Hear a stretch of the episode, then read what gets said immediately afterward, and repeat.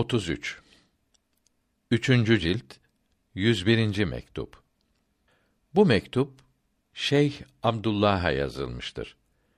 Kur'an-ı Kerim'in ayetlerini felsefecilerin anladıklarına göre tefsir ve tevil etmek caiz olmadığını bildirmektedir. Allahü Teala size selamet versin ve belalardan korusun. Tefsirür Rahman adındaki kitabı göndermişsiniz. Bazı yerlerini okudum. Geri gönderiyorum. Tefsirür Rahman ve Teysirül Menan tefsir kitabıdır. Hanbeli alimlerinden Zeynüddin Ali bin Ahmet Ermevi yazmıştır. 710 senesinde vefat etmiştir.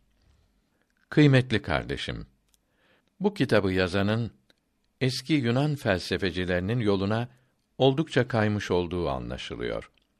Hemen hemen onları peygamberlerle bir derecede tutacak. Aleyhimüs salavatü ve teslimat. Hud suresindeki bir ayeti kerimeye verdiği mana gözüme ilişti.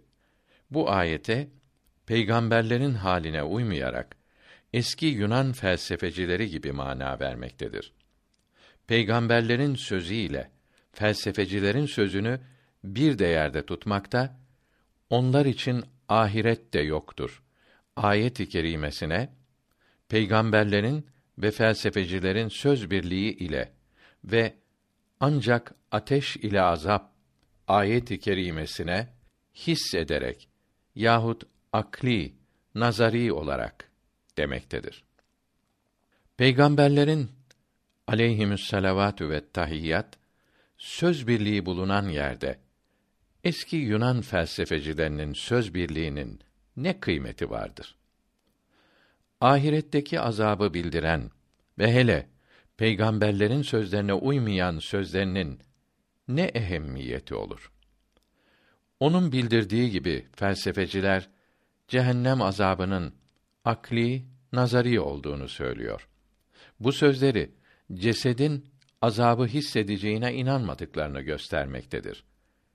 Halbuki peygamberler azabın hissedileceğini söz birliğiyle bildirmişlerdir. Bu kitap başka yerlerinde de Kur'an-ı Kerim'in ayetlerini felsefecilerin bildirdikleri gibi yazmaktadır. Peygamberlerin yolunda olanlara uymayan yazılarından dolayı bu kitap gizli hatta apaçık zararları taşımaktadır. Bunu size bildirmeyi lüzumlu gördüğüm için birkaç kelimeyle başınızı ağrıttım. Selam ederim.